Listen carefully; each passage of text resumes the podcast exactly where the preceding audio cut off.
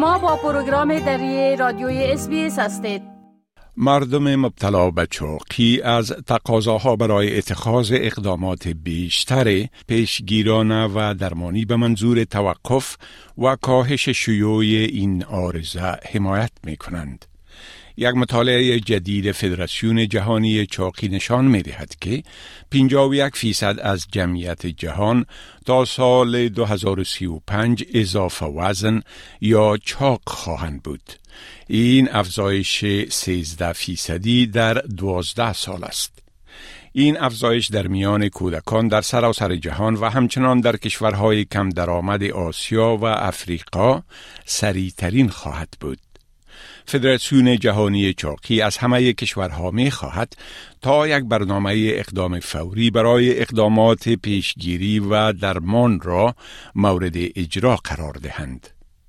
بدون این پیش بینی می شود که تاثیر اقتصادی افزایش میزان چاقی 6.38 تریلیون دلار استرالیایی یا معادل در حدود 3 فیصد از درآمد ناخالص جهانی خواهد بود.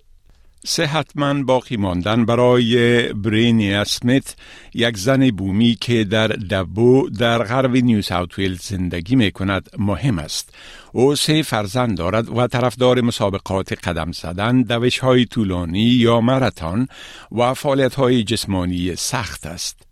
او جریان مبارزه خود با صحت روانی و زندگی کردن با چاقی را با مادران دیگر در جامعه محلی خود شریک می سازد. I'll do the mud run in Dubbo every year and I struggle and I tell myself I'm going to complete every obstacle and mate it's I come home bruised and I I fractured my coccyx one coccyx one year and still kept doing all the events. My doctor told me I was crazy, but I told myself that I wanted to do it. And I love seeing my kids' faces when I get back to the end or when I struggle to climb over one of them big fences or something like that. And then my, you know, it's my kids. My kids are the ones who drive me to want to be better. There is a lot of barriers out there and there's a lot of things out there that could help me stay stay a lot bigger than I want to be. But I think if I just keep my head down and pushing through, I can I can achieve it. بعضی از موانع برای او مشتملن به مجادله با صحت روانی و خطرات صحی اضافی ناشی از بیماری های مزمن و پایین بودن انتظار دوران زندگی که بومیان استرالیا و خصوص آنهایی که در مناطق اطرافی و روستایی استرالیا زندگی می کنند با آن مواجه هستند. اضافه وزن بودن او در سال 2020 پس از شروع همگیری زمان به مشکل تبدیل شد که چند بحران به شمول ابتلا به کووید زندگی در پناهگاه و حمایت از پسرش که پس از تصادف خطرناک با موترسایکل در کوما بود در عین زمان دامنگیرش شدند. And like you go through a trauma of nearly losing your child and the last thing you want to think about is eating. So when you order something in, you might only be eating one meal a day, and that one meal that you're eating isn't good for you. And then you get to a point. My I, I got to a point where I weighed myself and I was at 112 kilos, and that was the biggest I'd ever been. And I was mortified. And I know there's other people out there that are obviously bigger, and I don't want that to sound terrible. But for me, in that point, I wasn't in my life. That's not what I wanted. And I knew that I needed to better myself چیزی که همه اوضاع را تغییر داد این بود که او می‌خواست به خاطر فرزندانش زنده بماند. جورجیا ریگاس دکتر عمومی در سیدنی می گوید مانند بسیاری از مسائل صحی مداخله زود هنگام برای درمان چاقی بسیار مهم است اما اگر بیماران آماده خواستن کمک نباشند بسیاریشان در تنهایی و خفا رنج می‌برند این واقعیت است که او در کار با بیماران با آن برخورد کرده است او همچنان در مورد این که چرا مردم مبتلا به چاقی مراجعه به مراقبت های سیحی را به تأخیر می اندازند تحقیقات کرده است We firstly have this issue whereby people do not even recognize that they are living with obesity.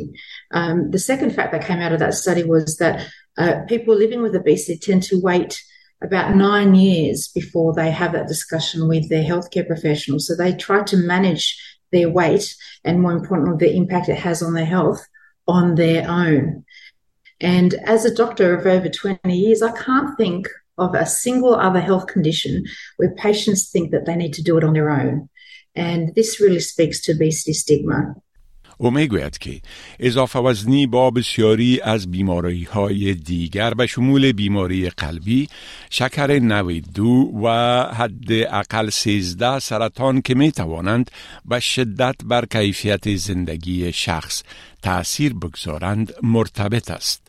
این اثرات همچنان می توانند بین نسلی باشد و به احتمال زیاد بر دسته های از مردمی که میزان بلند از نابرابری اجتماعی را تجربه می کنند از جمله بومیان استرالیا مهاجرین و کسانی که در مناطق اطرافی و روستایی استرالیا زندگی می کنند تأثیر می گذارد.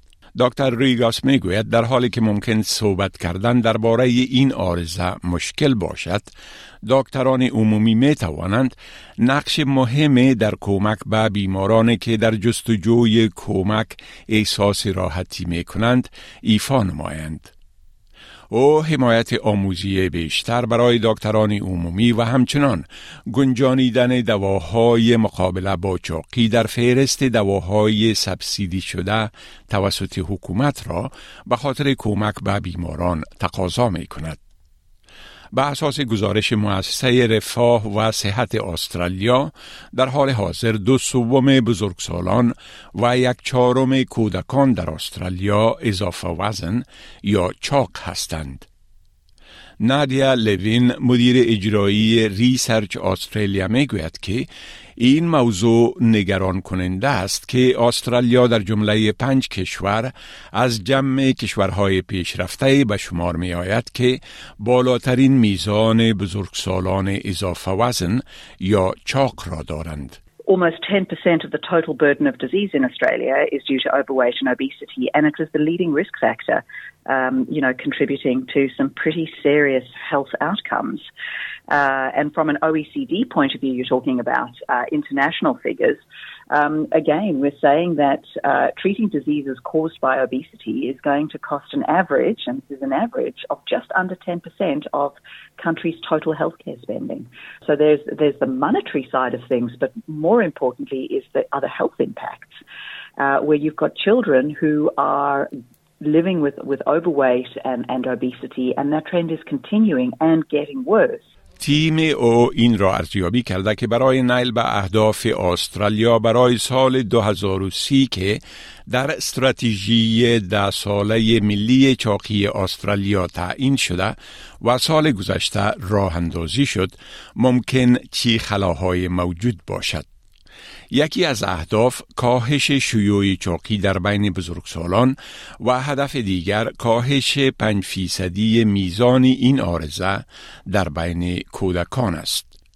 او می‌گوید دستیابی به این اهداف مستلزم بررسی این است که در کجا می توان بیشترین تأثیر را داشت. برینیا سمیت به حیث یک استرالیایی بومی از خطر بلنده که او از ناحیه ابتلا به بیماری های مزمن و انتظار زندگی کمتر به آن مواجه است آگاهی دارد. شریک ساختن داستان او با جامعه خودش بخش از این سفر بوده و او امیدوار است که دیگران را تشویق کند تا زودتر کمک بطلبند. گزارش را که شنیدید با کمک بی و کوان از اسبیس نیوز تهیه شده بود. می خواهید این گناه گزارش ها را بیشتر بشنوید؟